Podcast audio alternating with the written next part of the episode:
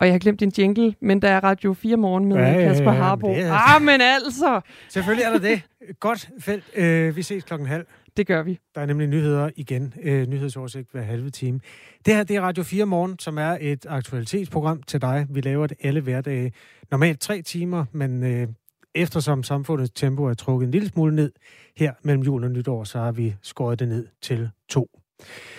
Det er en øh, nyhedsstrøm, der blandt andet bærer præg af corona. Det behøver jeg ikke engang at varsle, at vi kommer tilbage til, men det gør vi. Øhm, andre kategorier er øh, for eksempel turisme. Vi har en ret interessant historie fra Ringkøbing Skjern Kommune, hvor man har postet næsten 150 millioner kroner i en turistattraktion, der skulle øh, tiltrække en kvart million mennesker hvert år. Sådan gik det ikke. Den følger vi op om cirka 50 minutter. Øh, bandekrig i Storkøbenhavns området har forbindelse til Sverige. Vores reporter Patrick Pape har været en tur i Stockholm for at undersøge bandesituationen, og vi stiller skarpt på den øh, side af sagen. Øh, både i øh, egenskab af en, et fast program, der hedder Skyderiet over, Skyderier over Sundet, som faktisk har premiere i dag, og også med et interview med et øh, menneske, der har overblik over den side af sagen. Det kommer til at ske om cirka et kvarter her i Radio 4 morgen. Øhm, næsten alle sektorer i dansk handel har oplevet et godt år med fremgang.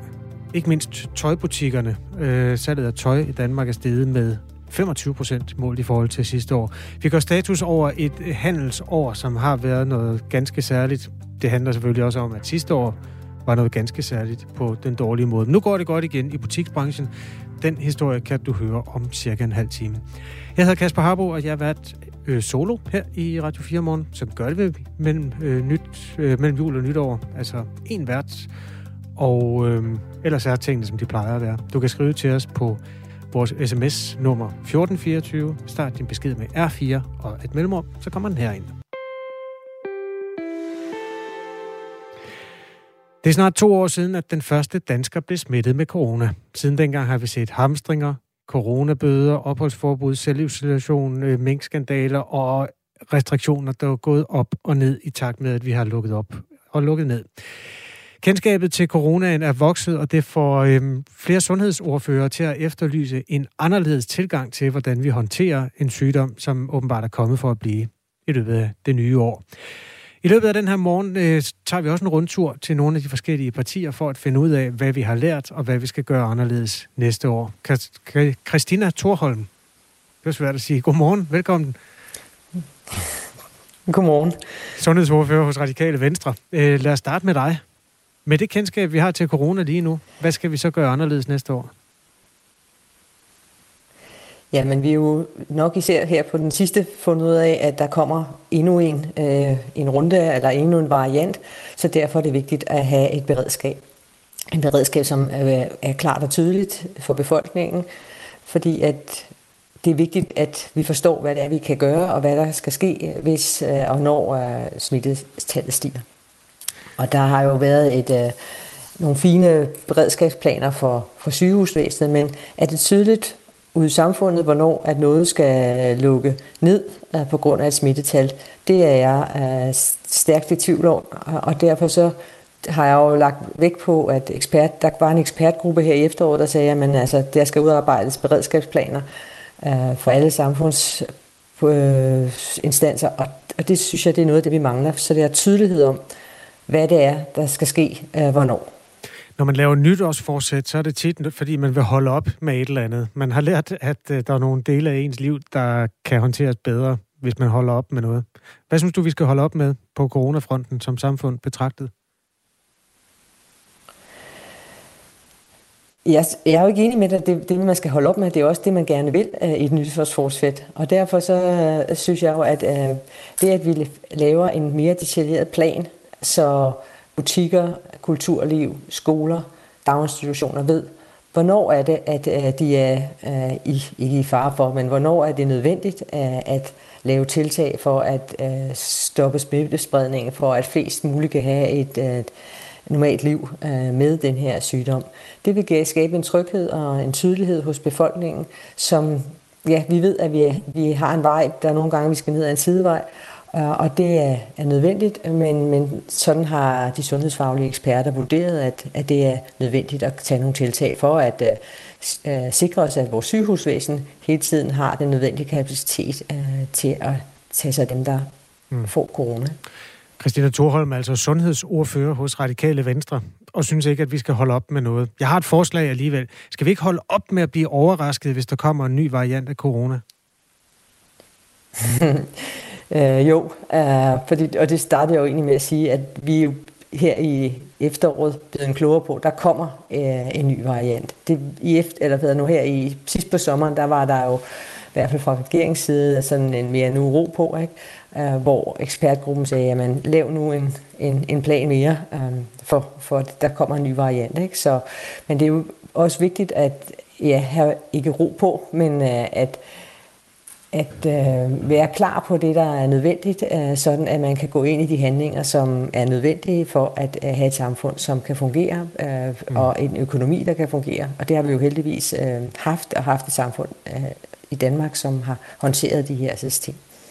Christina Thorholm, nu vil jeg sådan bede dig om at blive meget konkret på det her med frihed, fordi det er jo det, som er hvad skal man sige, skiller valgene allermest, både i restriktioner og i nedlukninger, også i vaccinedebatten i øvrigt, den gider vi ikke ombord endnu. Men altså, når man taler om nedlukninger, så er der et stykke af den personlige frihed, der lukker sammen med, øh, med samfundet. Og, og det er jo det her med, at 9. november i år, der blev corona igen karakteriseret som en samfundskritisk sygdom. Det besluttede epidemiudvalget på baggrund af en anbefaling fra de embedsfolk og eksperter, der sidder i epidemikommissionen.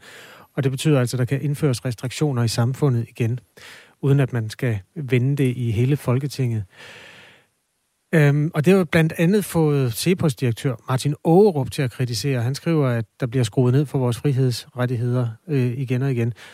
Er du enig i den kritik? Og hvis du er enig i noget af den, kunne du så forestille dig en vej til, at øh, vi kan beholde lidt mere af vores frihed øh, næste år? Jeg lægger vægt på, at der har været en strategi, der hed ekstrem forsigtighed, som nu er gået til forsigtighed. Og det lægger jeg rigtig meget vægt på, for det handler jo også om, at vi som hver især tager uh, mere ansvar. Så sent som i går var Brostrøm jo i fjernsynet og gav nogle anbefalinger. Anbefalinger, som jo øh, er afhængige af, at vi som, med, altså, som borgere tager ansvar. Fordi Øh, regeringen kunne også have valgt at sige, nu laver vi nye restriktioner, som vi sætter i øh, epidemiudvalget. Men de valgte faktisk at sige, okay, det her er vigtigt, at vi hver især tager ansvar i forhold til, hvordan vi handler, altså hvor mange vi er sammen med, som helt konkret eksempel. Og hvis, hvis befolkningen lytter til de anbefalinger, så kan vi komme langt og have den personlige frihed.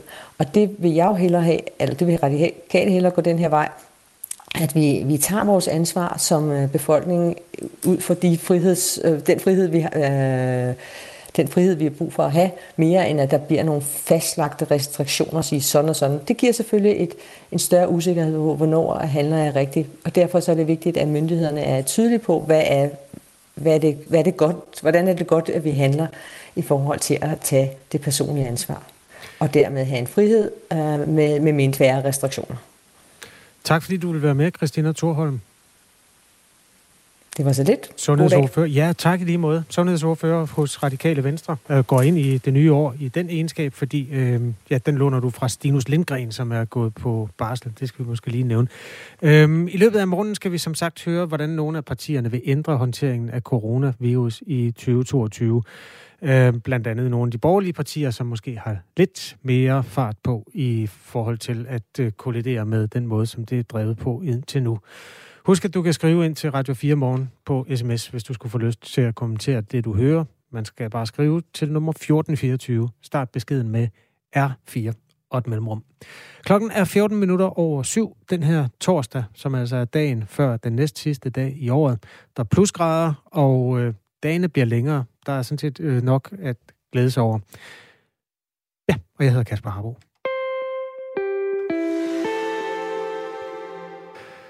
Skyderierne er igen taget til i hovedstadsområdet. Nu kan man snart gøre status over en december, hvor der er tre, der er døde, og fire andre, der er såret øh, ved forskellige skyderier i hovedstadsområdet. Først var det på Nørrebro, 2. december, hvor en 27-årig mand fra bandemiljøet mistede livet. Rødovre fulgte efter dagen efter. Øh, der blev tre personer skudt af ukendte gerningsmænd, blandt andet døde en 17-årig bulgarsk dreng. Og endnu en dag senere, 4. december, på Frederiksberg, skete endnu et skyderi på en vandpipecafé, hvor en 39-årig mand blev såret. I Herlev den 7. december blev to mænd skudt, en af dem døde. Og senest i tirsdags, der blev en 22-årig mand skuddræbt i Hallingparken, der ligger i Brøndby Strand. Det vides endnu ikke, om det drab, der skete forleden, har forbindelse til de øvrige skuddrab, som altså skete i begyndelsen af den her måned. Ifølge politiet har de andre drab forbindelse til Sverige, og derfor har vores reporter Patrick Pape været en tur i Stockholm for at undersøge, hvad det er for en bandesituation i Sverige, som vi åbenbart er blevet lemmet ind i her i Danmark. Der kommer en stribe programmer ud af det, der hedder Skyderier over sundet. Og der kommer lige en smagsprøve fra første afsnit her. En december formiddag ved herrefrisøren Jomok i Rødovre sidder en 15-årig dreng og venter på at blive klippet. Døren går op, og to sortklædte mænd kommer ind. De skyder. To bliver såret. Den ene, den 15-årige dreng, og manden, der ejer salon Jomok, som til daglig bor i Sverige. Værst går det en 17-årig bulgarsk mand, der bliver dræbt af skud i frisørsalongen. Vi ser lige nu det, vi kalder et helt ekstraordinært kriminalitetsbillede. Rødovre-skyderiet er bare et af flere skyderier i december måned. Flest i København og omegn, men også i Malmø, hvor en dansk statsborger blev skuddræbt. Fire er indtil videre døde. Flere er såret. Og selvom det ikke er første gang, der skydes i København, er der noget særligt ved skyderierne. For politiet konkluderede hurtigt, at de banderelaterede drab havde en eller anden form for forbindelse til Sverige.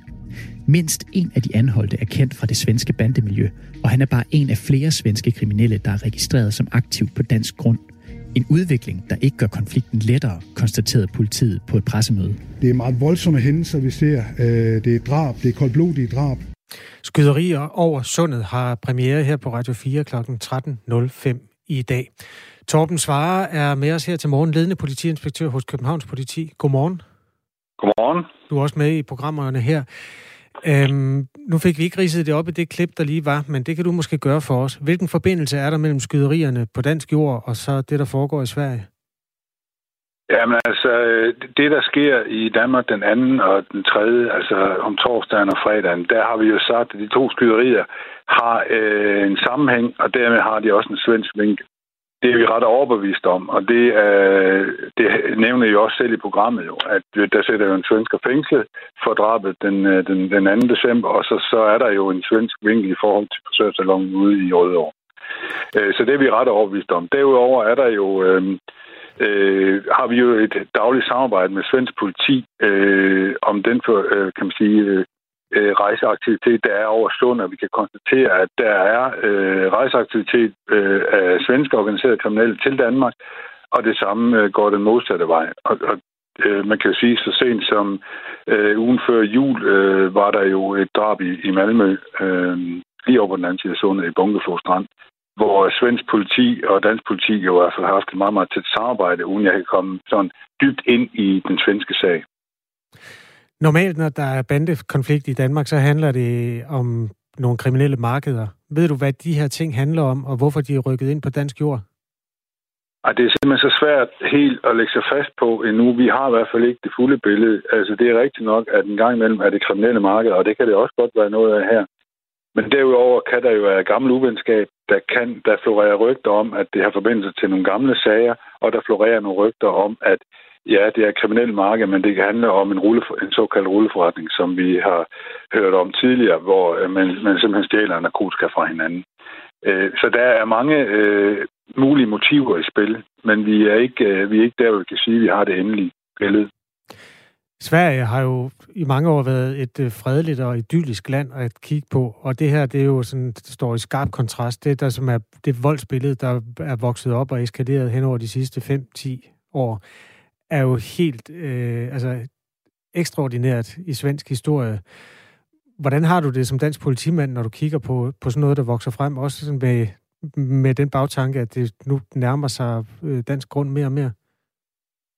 Jamen, jeg, jeg tror, at øh, altså det her det er jo stået på over tid i Sverige. Vi har fulgt med i øh, udviklingen, og det er jo primært Stockholm, man kan sige, der der har været en, en, en sådan, kan man sige, negativ udvikling, hvor der har været mange skyderier. De har virkelig været ramt derop øh, over de sidste åringer. Øh, Jødeborg har også haft øh, deres tur, og så kan man så sige, Malmø har jo for år tilbage haft øh, ret massive skyderier, men vi må også kende, at, at øh, de seneste to år har der jo ikke været tilnærmelsesvis så mange øh, voldelige konflikter i Malmø. Øh, så de har i hvert fald sat hårdt ind over for det derovre. Det, at, øh, at der begynder at komme nogen til, til Danmark, jeg, jeg tror ikke, det er så... Øh, altså, jeg tror bare, vi forholder os til, at øh, kriminelle markeder arbejder ikke med landegrænser øh, og politikredsgrænser. Det er meget enkelt at besøge hinanden. Der er nogle kriminelle strukturer, som har et tæt samarbejde. Og, og om det så lige er i Malmø øh, versus København, eller det kan være København Odense, altså det er næsten ligegyldigt. Sådan kigger de jo ikke på det. Så det er måske ikke... Øh, er det måske ikke så overraskende, at, at der er den forbindelse på tværs af sundet. Vi er i hvert fald ikke overrasket, og jeg er ikke, nej. På dansk jord har der været rockerkrige før, og der har også været nogle bandekonflikter, som førte til en hel masse skyderier. Øhm, nu har vi så haft en periode med ro på. Hvis man læser i medierne om de sager, som udspiller sig i Sverige, så er det som om, der er en helt særlig råhed over det, der foregår. Altså, der har været likvideringer af familiemedlemmer, som ikke selv var bandemedlemmer. Altså, der var blandt andet en kvinde, der blev skudt øh, på åben gade sammen med sit lille barn. Øhm, altså, er det en ny type kriminalitet, det der foregår nu? Øhm, altså, jeg, jeg ved så ikke, om den er ny, men, men Altså, der, der er en stigende tendens til, at man skyder for at dræbe. Øh, det, det synes jeg, man kan, sådan uden at have lavet et eller andet, et eller andet studie, det synes jeg godt, man kan tillade sig at konkludere. Altså, vi, de, er, de er ret øh, hårdhændede, de er, de, det er voldsomme hændelser, og, og de er meget tæt på, øh, og, øh, og de skyder for at dræbe. Øh, før i tiden øh, så vi øh, flere sager, hvor hvor ja, der blev skudt, øh, og der blev såret folk, men, men, men der blev skudt på afstand, og man havde ikke sådan... Det var lidt indtrykket, at skuddet i sig var egentlig nok. Det der med at dræbe nogen, det var ikke, øh, det, var ikke det, det vigtige. Øh, bare det, at man sendte et signal. I dag virker det som om, at i hvert fald den her seneste konflikt, at man kan konstatere noget af det, der er sket i Sverige, det er, det er for at dræbe. Hmm. Hvad gør I hos politiet? Hvilke tanker gør I hos dansk politi om, at øh, det her det står og, og banker på? Ja, men altså, øh, altså, det er det med, at det står og banker på. Det, vi er bevidste om, at der, øh, det kriminelle marked det flytter sig. Vi er også bevidste om, at det organiserede kriminelle, øh, som har voldelige tendenser, det også øh, flytter sig over, over, over politikredsgrænser og over landegrænser. Så det er ikke så nyt.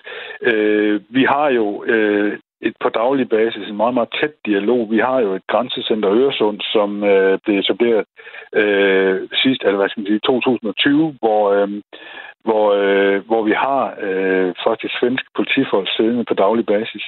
Så vi har et meget, meget tæt samarbejde med, svensk, med svenske myndigheder omkring øh, den organiserede kriminalitet herunder øh, den voldelige del med banderne. Tak fordi du var med her hos os, Torben Svare. God arbejdsløst. Tak, og lige måde. Tak skal du have. Ledende politiinspektør hos Københavns Politi.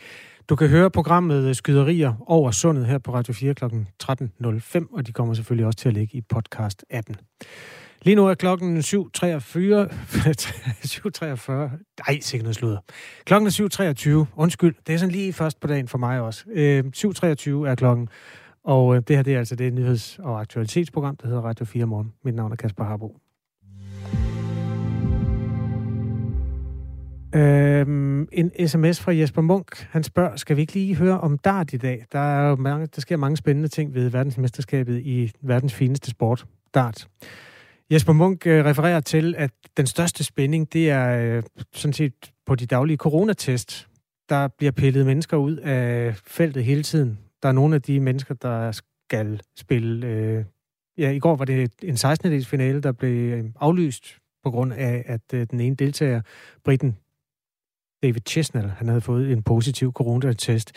Dagen inden øh, var det øh, en af favoritterne til at vinde verdensmesterskabet, Michael van Gerwen, øh, hollænderen, som blev pillet ud, også med positiv coronatest, og samme skæbne har overgået i øvrigt to andre hollænder. Den ene havde dog forladt turneringen på det tidspunkt. Det vækker øh, både debatten om sikkerheden omkring spillerne, og også en form for debat om den måde, som tilskuerne til de her store sportsarrangementer øh, omgås hinanden på. Det foregår i en stor hal, der hedder Alexandra Palace, der ligger på en bakketop i London, og selvom folk har mundbind på, når de står op, så brøler de som aber, når de sidder ned, og derfor er en luftborn virus i, øhm, ja, den vil med statsgaranti øh, svæve alle steder hen. De sidste nye smittetal fra England, der kom i går, og smittetallene er jo altid sådan lidt noget, man skal tage med et grænsalt, men altså 183.000 Øhm, fik en positiv coronatest. Det er immer væk, selvom der er 10 gange øh, befolkningens størrelse i forhold til det her i Danmark. Noget af en chat. Derfor er det også en øh, varm politisk diskussion i England i øjeblikket, hvad man gør for at øh, lukke ned for det. Den del af det øh, kommer vi også til at tage i dansk perspektiv, men det var egentlig også bare for at svare på Jesper Munks øh, spørgsmål. Hvordan går det ved VM i dart? Jamen, det går fint, når det ellers går overhovedet. Der er finale 3. juni, eller 3. 3. januar, hvis der ellers er nogen spillere tilbage til den tid. Klokken den er 7.25.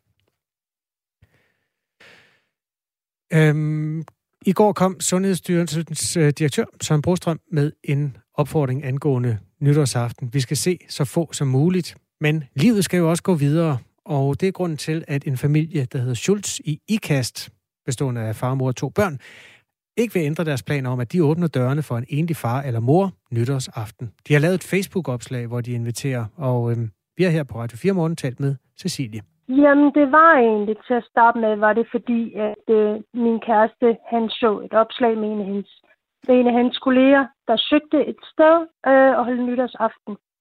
Og vi havde egentlig sådan ventet på, at hun skulle svare tilbage, og havde håbet på, at hun faktisk skulle med, fordi det også er en af vores datters rigtig gode veninder i børnehaven. Men så fik vi så svar tilbage fra hende, at de, hun havde fundet ud af noget andet. Og så havde jeg det sådan, jamen, skal vi sidde alene nytårsaften, bare os fire, og det er sådan lidt, hmm, det blev måske lidt kedeligt. Og så spurgte jeg min kæreste, hmm, hvad han tænkte om, hvis vi kunne invitere nogen hjem, som altså et, en enlig mor eller en enlig far med et barn, som måske ikke havde råd til at holde den her rigtig hyggelige nytårsaften. Og så var det egentlig der, jeg tænkte, jamen, hvorfor ikke gøre det? Og det var han så med på. Og så øh, lavede jeg så øh, det opslag på Facebook, øh, hvor jeg så skrev og spurgte om, der ikke var en enlig mor eller en enlig far med et barn, som ikke havde lyst til at holde nytårsaften med os. Og hvilke reaktioner har I fået på det opslag?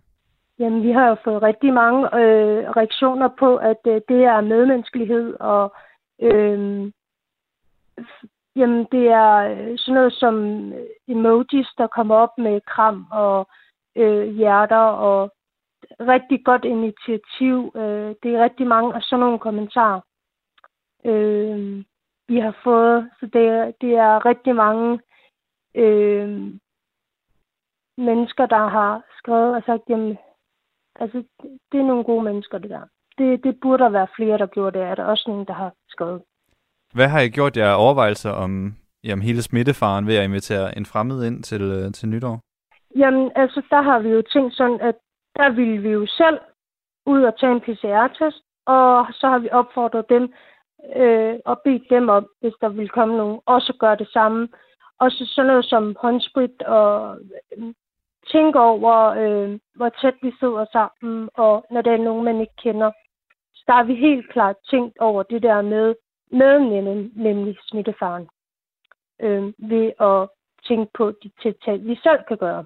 Men at der stadigvæk skulle være den her mulighed for, hvis der var øh, en mor eller en far med et barn, der øh, gerne ville det her, ville have det her øh, tilbud. Og hvad er det, I, I håber, I kan give den her enige mor eller far, der, der kommer hos jer nytårsaften? Vi håber at kunne skabe nogle rigtig gode minder, og, og at, at de føler, at selvom de måske ikke har så meget selv, at de så alligevel kan give, ja, den forældre kan give deres barn øhm, et godt minde og en god aften, øhm, uden at skal tænke over øh, for forældrene, at der skal vendes de her penge, og vi har ikke har råd til det her. Så mest det der med at, at få skabt nogle gode minder for det barn, for den forælder. Har I fået nogle henvendelser endnu om folk, der gerne vil øh, være med? Desværre ikke. Øhm, det havde vi selvfølgelig håbet på, og jeg har jo både skrevet til, øhm, hvad hedder det, frivillige enheden her i Kasbrande Kommune, øhm, men har ikke fået svar øh, fra dem, om, det, om de kender nogen, der kunne have brug for det her. Plus jeg har lavet opslag både øh, i vores by Herning og i vores by øhm, øh, IKAS. Øh, øh, men desværre er der desværre ikke kommet øh, nogen henvendelser. Hvad gør I, hvis der ikke er nogen, der henvender sig? Jamen, så har vi øh, et rigtig godt vennepar, som kommer. Så vi bliver ikke alene alligevel, men tilbuddet vil stadigvæk stå, hvis det er, at der kommer en familie her og siger, at vi kunne egentlig godt tænke os det. Men så bliver vi stadigvæk seks personer øh, til en hyggelig aften. Men tilbuddet vil stå der siger altså Cecilie Schulz, som øh, min kollega Nikolaj Dupont havde talt med. Så hvis man sidder derude som enlig forælder uden et sted at holde nytår, så kan man starte med at gå på Facebook og finde den gruppe, der hedder Vores Herning. Der ligger i hvert fald opslaget fra Cecilie Schulz og familie. Du lytter til Radio 4 morgen. Klokken er halv syv.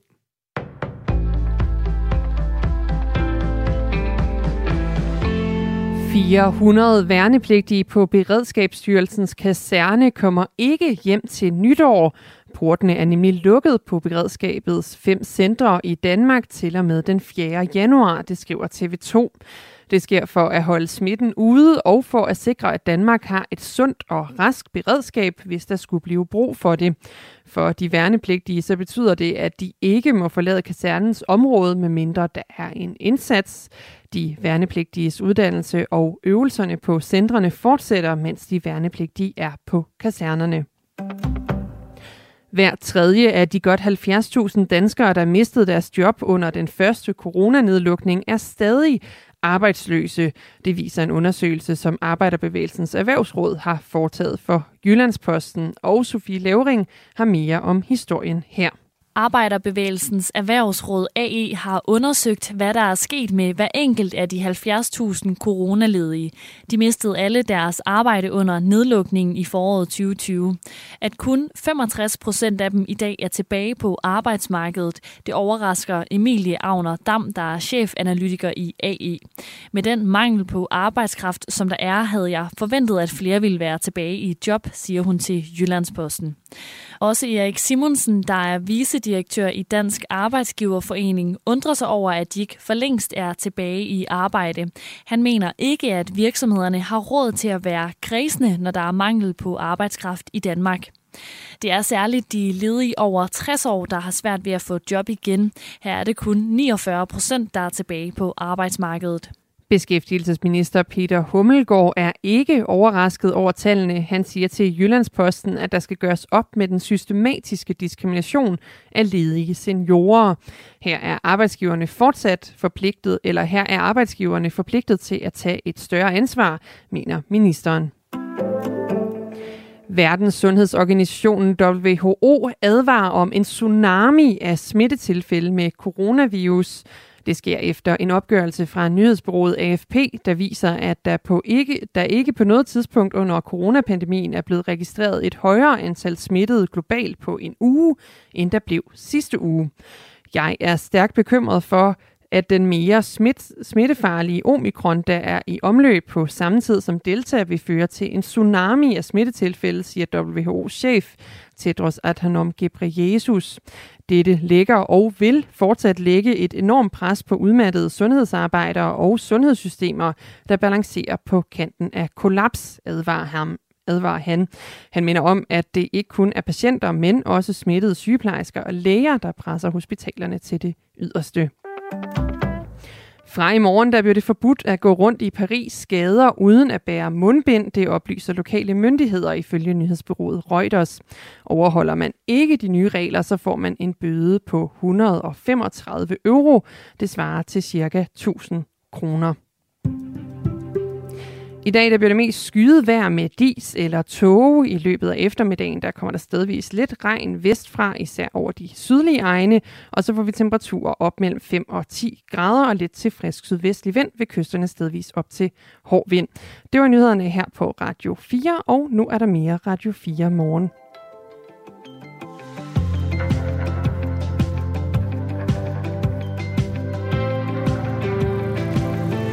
Nå, okay. Fintællingen viser faktisk, at klokken er blevet 7.34. Jeg fik vist varslet, at den var halv syv. Det har den været, og det bliver den igen. Lige nu er den 7.34. Velkommen til Radio 4. Øhm, I forhold til omikrons øh, farlighed og hele coronasituationen, så kan jeg fortælle, at der om cirka en halv time er interview med Tyre Grove Krause, der er direktør i Statens Serum Institut øh, i anledning af, at der er blevet lavet en rapport, et studie, der gør lidt status over, hvordan øh, vores øh, vacciner har virket over for omikron. I forhold til smitte er det nok ikke nogen hemmelighed, at det kunne godt være en lille smule bedre. Den historie folder vi ud om cirka en halv time.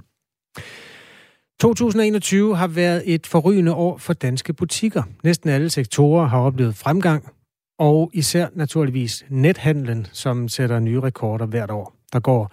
Forløbig tal på tyder på, at især salget af tøj er gået op. Der kan spores en fremgang på næsten 25 procent efter det lange nedlukkede 2020, hvor alle bare gik rundt i bløde bukser derhjemme.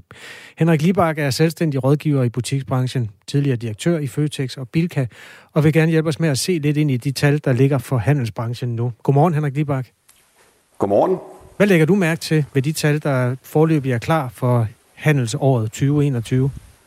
Jamen både 2020 og 2021 har jo været et par specielle år øh, set i lyset af corona. Men øh, det, jeg kigger ind i i 2021, det er jo, som du selv nævner, der har været stor vækst over hele øh, linjen. Og, og glædeligt er det jo, at det både er de fysiske butikker og det er nethandlen, der har vækst. Og kigger man lidt ind i de forskellige øh, kategorier, så er du selv inde på det med de bløde bukser bag øh, skærmen her i, øh, i, i 2020. Så, så, så tøjbranchen har jo haft en, en fantastisk høj vækst her i 2021, men havde jo også tilsvarende en, en stor tilbagegang i, i 2020. Okay. Så øh, ellers flotte vækster over hele linjen. Øhm, 20, altså corona er jo ikke færdig med at gøre sit indtog i skikkelse af forskellige restriktioner. Det er mildere, end det har været, men øh, ja, det, det kommer sådan stadig nogle gange til at ramme, i hvert fald de fysiske butikker. Når du kigger tilbage, både med de kunder, du taler med i, i din øh, rådgivningsbranche, og også øh, når du ser de, de kolde tal, hvem er det så, der har lidt mest under coronaen i handel i Danmark? Hvem er taberne i det her?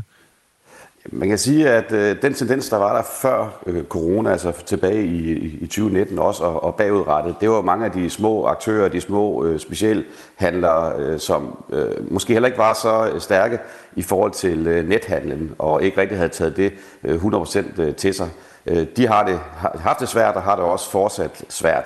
Men, men mange af dem har jo også brugt corona til at, øh, at omfavne nethandlen noget mere, eller hele den digitale rejser noget mere, så mange af de mindre aktører har egentlig også haft en øh, opblomstring. Men hvis man kigger sådan øh, overall på, på, på hele sektoren, så er det de små øh, aktører, som har haft det svært. Og øh, derfor har man også kunne opleve en del tomme butikker i, i gågaderne igennem både øh, 20 og 21. Men det viser sig rent faktisk nu med de seneste tal, øh, man kigger ind i, at det, man kalder tomgangsprocenten, det vil sige, hvor mange øh, butikker er der øh, egentlig ledige, hvor mange øh, tomme legemål er der i det ganske land, jamen så er den faktisk meget øh, lav, og, og lavere end den var i 2019. Så der er andre aktører, der har øh, poppet op. Og en anden tendens, man også ser, det er, at butikkerne bliver større og større øh, i, areal. Det vil sige, at når man har en fysisk butik, og de butikker, der, eller kæder, der har en fysisk butik, de vil gerne vise det store udvalg, så tendensen den er også, at butikkerne rent fysisk bliver større og tager flere øh, kvadratmeter. Detailomsætningen den steg med omkring øh, 4% i årets første 10 måneder målt i forhold til sidste år. Forbruget har også båret præg af, at der er blevet pumpet nogle ekstra penge ud i samfundet. Indenfrostende feriepenge blev udtalt, udbetalt af to omgange. Øh, sidste år blev der udbetalt 52 milliarder kroner, og i år faldt der 34, altså yderligere 34 milliarder kroner udbetalt i løbet af nogle måneder i foråret. Kan du se det, øh, Henrik Libak, med din øh, fagmands indsigt, hvor de er blevet brugt henne? Ja, det kan jeg, og øh, det var især sidste år, hvor at, øh, den store pulje kom ud, der var det meget tydeligt, at det var øh, øh kunderne ville gerne opgradere øh, hjemmet, så det var, øh, det var møbler, det var øh, byggevarematerialer, det var øh, elektronik, det var øh, dyre øh, sportsting, øh, frakker, overtøj og så videre. Så øh, de penge de gav god effekt både i øh, 2020 og i, i 2021. Mere og mere handel flytter ud på nettet. Hvad betyder det for folk, der vil etablere en butik? Det er jo dem, der er kunder hos dig. Altså, hvad, hvad, hvad skal man gøre anderledes i forhold til for 20 år siden, hvis man gerne vil åbne en butik, der sælger hesteudstyr, for eksempel? Jamen det der, det, der sker i øjeblikket, det er jo, som jeg var inde på lidt tidligere, det er, at butikkerne de bliver større. Og jeg må altså selv erkende, da jeg skulle øh, kloge mig for ja, 5-8 øh, år siden på, på det her felt, der, øh, der tænkte jeg, at butikkerne måske ville blive øh, mindre, fordi nethandel ville overtage en, en større del. Men vi ser i øjeblikket, og jeg oplever i mit firma i øjeblikket, det stik modsatte. Det vil sige, at butikkerne de bliver større og større, fordi at når kunderne først kommer ud i den fysiske butik, vil de gerne se det store øh, udvalg. Så bare det med at have øh, en, øh, for at blive i hestesporten, have en sadel eller en hjelm, jamen når kunderne så kommer ned i ridesportsbutikken, så vil de gerne have det store udvalg, så de kan se øh, bredden i øh, sortimentet. Og øh, det er i hvert fald en tendens, som har ændret sig øh, markant. Og så er det også øh, i forhold til e-handel, at øh, Niels Rarlund fra Dansk øh, Internethandel, han plejer at sige, at det med at, man, man skal snart sige bare handel og fjerne ed, fordi det med at handle med kunderne i dag, jamen det er jo både en nethandel og det er en fysisk butik, så det er i hvert fald vigtigt, at man får tænkt øh, enten fysisk butik ind i sin netforretning, eller nethandel ind i sin fysiske øh, forretning, når man skal etablere sig i dag, og det er langt de fleste blevet meget, meget dygtigere til. Øh, og især de sidste par år med corona viser, viser sig også, at hele den digitale verden har fået et ordentligt løft, fordi at folk har omfavnet kunderne, har omfavnet den øh, del noget mere, og dermed har efterspørgselen også været der, og så har butikkerne været nødt til at omfavne nethandlen i højere grad, end de har gjort øh, tidligere. Helt anekdotisk, så kan jeg fortælle, at det var første jul, hvor jeg købte alle mine julegaver på internettet. Jeg har hørt om det mange gange, at man ikke behøver at gå rundt den 23. og have det pivkoldt og, og gå i panik og skulle løbe øh, de sidste meter der frem mod klokken 20, hvor butikkerne lukker. Og det var en god oplevelse, så jeg kommer til at gøre det igen. Det er meget anekdotisk og meget gammelmandsagtigt, men jeg vil sige, det for mit vedkommende er det kommet for at blive. Øh, du er også en gammel mand, Henrik Libak, øh, ligesom mig. Da du var, øh, ja, velkommen. Da du, da du var direktør i Føtex og Bilka, og det her, det var i sin Vorten. Kan du huske, hvordan I så på det? Altså, det, det ved ikke, hvor længe er det. 15 år siden nu, eller sådan noget den stil?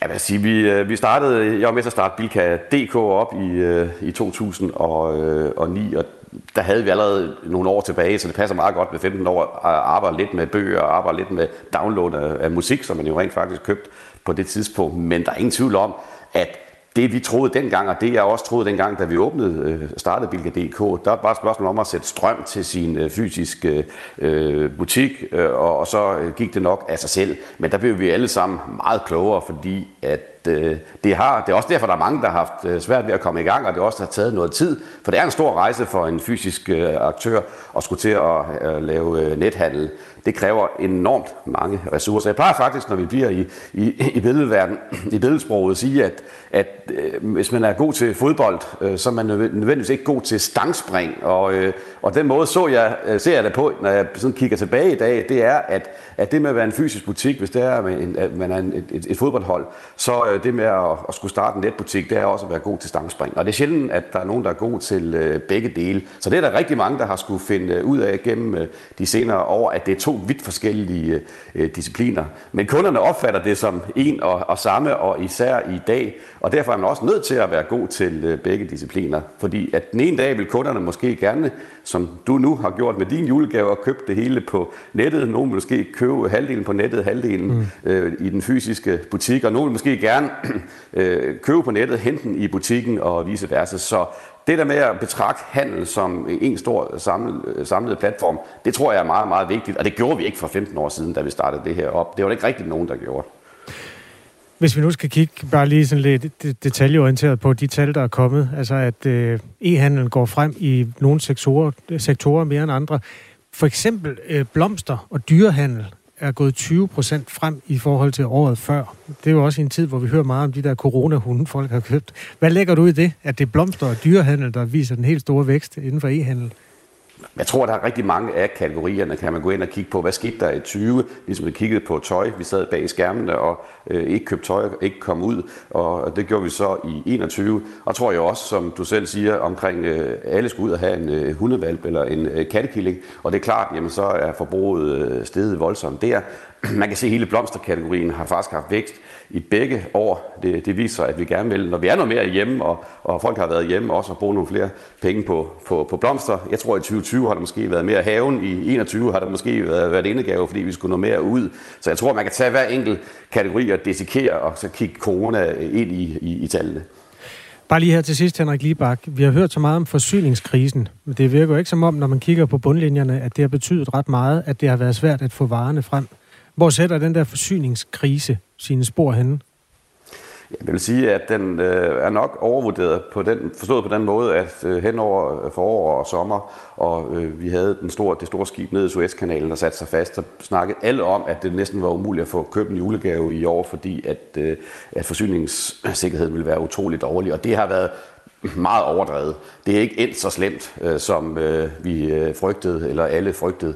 Der er nogle enkelte ting, øh, biler med mikrochips og måske nogle enkelte øh, hårde hvidevarer og andet. Og, og der kan også være, at der har været nogle øh, enkelte produkter i andre kategorier, men så kunne så købt noget andet. Det har været overdrevet, og øh, den øh, forsyningskrise, den blev mere eller mindre afblæst i detaljhandlen. Tak fordi du vil være med til at kigge tilbage på 2021, Henrik Libak. Selv tak, og godt nytår. Godt nytår. Tak lige måde. Øh, selvstændig rådgiver i butiksbranchen, tidligere direktør i Føtex og Bilka. Ovenpå altså et øh, år i dansk detaljhandel, hvor tingene er gået opad. Lige nu er klokken 7.45. Det her det er Radio 4 morgen med Kasper Harbo.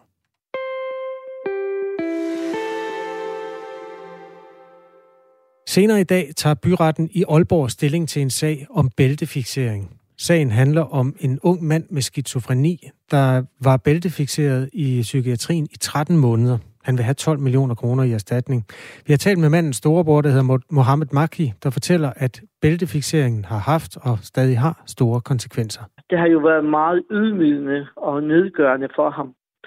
Øh, han har været øh, altså, håbløs, fuldstændig hjælpeløs i dag, når, når, når han endelig øh, åbner op omkring bæltefiksering, jamen, øh, så siger han, at øh, hver gang, øh, at øh, han lukker øjnene, øh, så kommer øh, den ondsk- og han kalder den for den ondskabsfulde periode øh, op, op i sit hoved, og øh, han kan ikke lægge sig ordentligt øh, uden at tænke over det.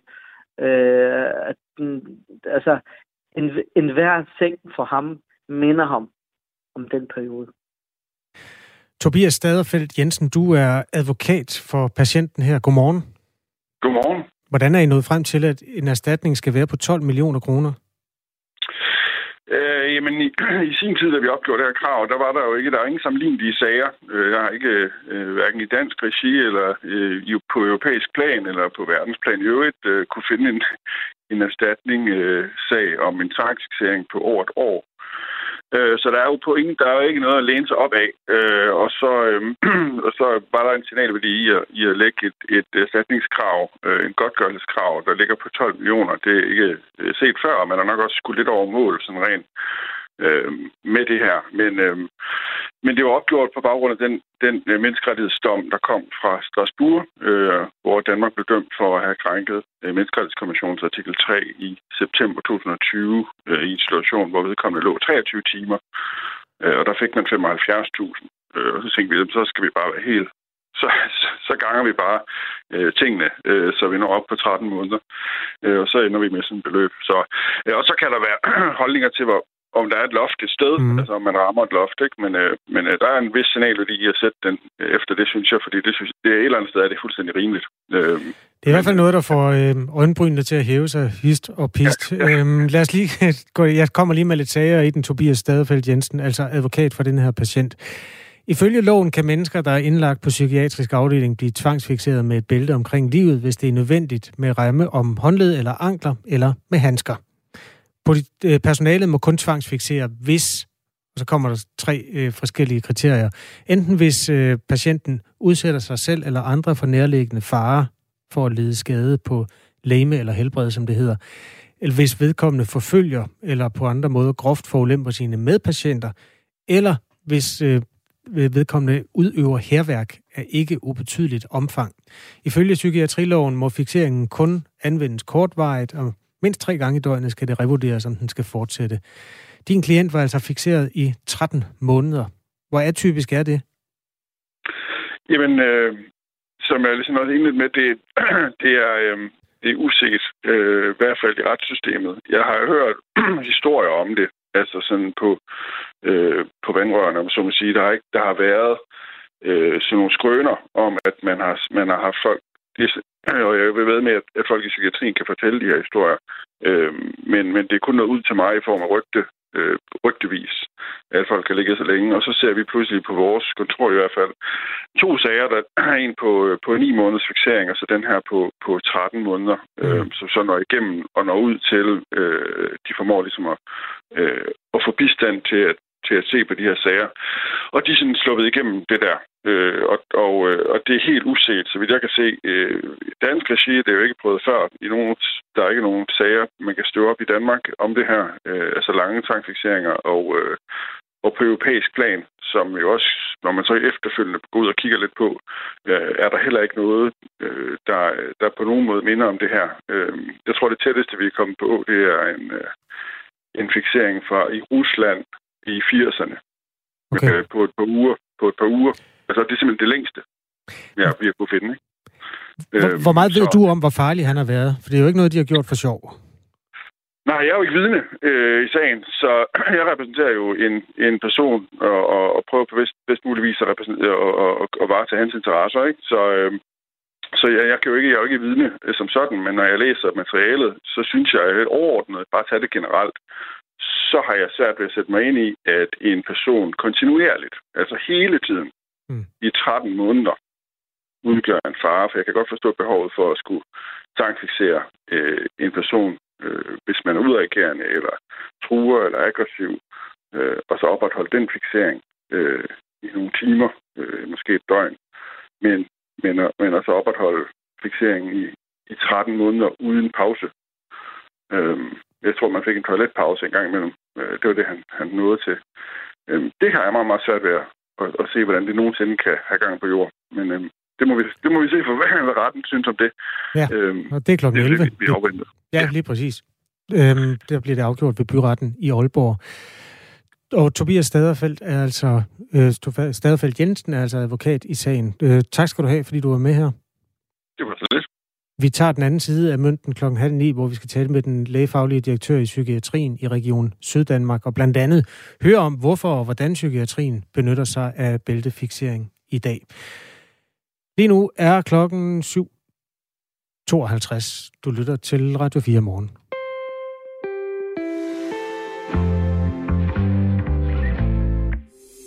Skilsmissen på Radio 4. Far kan en mor og en far godt være kærester fuck, mand, ikke? Altså... Hvert andet ægteskab i Danmark går i stykker, og hvem er man bagefter?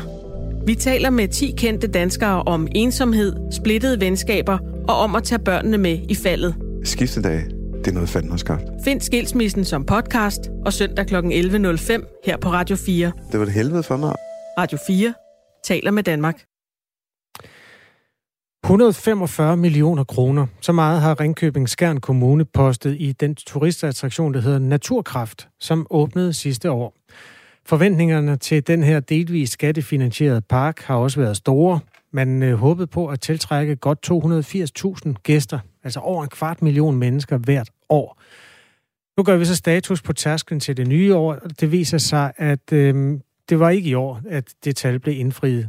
Kun omkring 40.000 gæster har besøgt Naturkraft i år, fortæller øh, Jyllandsposten. Det er altså en syvende del af det beløb, man havde håbet på. Hans Østergaard er Venstre Kommune, eller Venstre Borgmester hedder det, i Ringkøbing Skjern Kommune. Godmorgen. Godmorgen.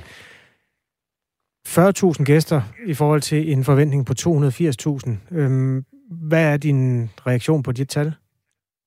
Jamen øh, allerførst så vil jeg da sige, at det er jo rigtigt, at øh, på et tidspunkt øh, under naturkraft tilbliven, øh, der, det er jo der øh, foretaget undersøgelser på, hvad man kunne forvente, øh, at en institutions naturkraft den kunne tiltrække besøgende. Og der kom, fremkom der et tal, der hed 280.000. Det skal siges, at vi i indeværende år har budgetteret med godt 130.000 øh, okay. øh, ikke betalende gæster, men 130.000 gæster i alt. Så det er det, det, skal, det, er det før tallet, de 40.000 skal holdes op imod, tænker jeg. Så det er en tredjedel af, øh, hvad I havde håbet at ramme? Det er så en tredjedel på, hvad vi håber at ramme i indeværende år. Ja, det er det. Hvad er din reaktion på, at I er så langt fra det? Jamen, øh, det er jeg selvfølgelig rigtig, rigtig ærgerlig over, øh, og øh, det er selvfølgelig også noget, som vi arbejder benhårdt med i bestyrelsen, og ja, dels så, dels så analysere på, og dels finde, finde løsninger på. Det, der jo i hvert fald er under alle omstændigheder, det er Naturkraft startet op den 12. juni 2020. Det er lige præcis tre måneder efter, at Mette Frederiksen hun gik på øh, tonet frem på, på de danske tv-skærme og fortalte, at nu lukker vi Danmark ned på grund af corona. Øh, en uge efter, så lukkede grænserne også. Øhm, øh, og så, altså, naturkraft er åbent på det værst tænkelige tidspunkt overhovedet. I den periode, hvor naturkraft har haft åbent fra den 12. juni og frem til, i, frem til i dag, eller frem til årets udgang, der har naturkraft vel samlet set været åbent cirka halvdelen af tiden, og resten af tiden har, været, har der været nedlukket på grund af, øh, på grund af corona. Øh, så det har været et rigtig, rigtig dårligt tidspunkt, vi har fået startet op på. Øh, jeg siger ikke med det, at det her det er nødvendigvis er udelukkende med baggrund i corona, øh, men altså, vi har jo så altså også, vi har rent faktisk så også nedjusteret vores besøgstal øh, øh, pænt. Øh, men øh, i hvert fald, så må vi bare konstatere, at besøgstallet det har været, det har været lavere. Det er jo det her mm. jo jo noget, som man slås med andre steder end i Ringkøbing og på Naturkraft. Der er jo flere andre kendte og øh, institutioner, som har været, øh, som har, som har været driftet igennem mange, mange, mange år, jo, som bestemt også er nødlidende på baggrund af de ting, som vi taler om her. Okay, øhm, øh, lad os lige gå ind i det alligevel, fordi det er jo altså nye kroner, der er blevet brugt på det her. Det har kostet omkring 300 millioner kroner at anlægge Naturkraft, som ja. åbnede sidste år. Ringkøbing Skjern Kommune har lagt øh, sådan knap halvdelen, 145 millioner kroner.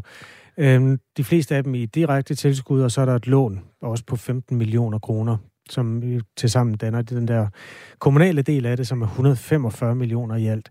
Den drives af en front, Fonden Naturkraft, og parken er ifølge Jyllandsposten etableret som et videnspædagogisk aktivitetscenter, og dermed i familie, kan man sige, med eksperimentarium og universe. Det gælder om at gøre de personer klogere og inspirere til mere bæredygtig adfærd. Hvad tror du, der er gået galt i den ligning? Hvis du nu ikke må sige corona, Hans Østergaard, hvad er det så for noget, der har ramt forbi det behov, folk har lige nu? Øhm, allerførst nu, når du er inde på finansiering, så er jeg nødt til lige at skærpe den til. Øh, det er jo rigtigt, at alt i alt, så øh, så, så gav kommunen i sin tid øh, en bevilling på 100 millioner kroner til anlæggelse af naturkraft. Derudover gav man et, et, et årligt driftstilskud på 3 millioner øh, i, de første, i de første 10 år, øh, og så er det jo rigtigt, øh, på grund af situationen i 2020, så bliver der givet et lån på 15 millioner.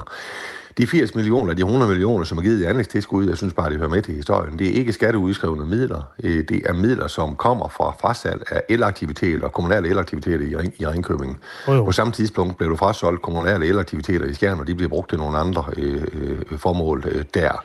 Men det er jo kommunale øh, penge. Jeg tror mere, det var det, der var min pointe. Ja, det, det, ja, jo, men altså, jeg har også nogle pointer, jeg gerne vil have, men nu når jeg har chancen her. Øhm, og så du har tre minutter. Du, øh, og så spurgte du til, øh, øh, hvor, hvor, hvor, hvor om, øh, når, når de ser bort fra corona, hvad er det så, øh, der gør, at vi ikke er nået i mål? Det er, jo svært, det er jo svært at byde øh, 100% på. Det er jo klart, det som en af de ting, som jeg tænker, at øh, vi måske ikke har været dygtige nok til, det er at sælge naturkraft, for det naturkraft rent faktisk er. Øh, naturkraft er jo ikke et tivoli, det er ikke, øh, det er ikke gynger og karuseller, det er alt muligt andet end det.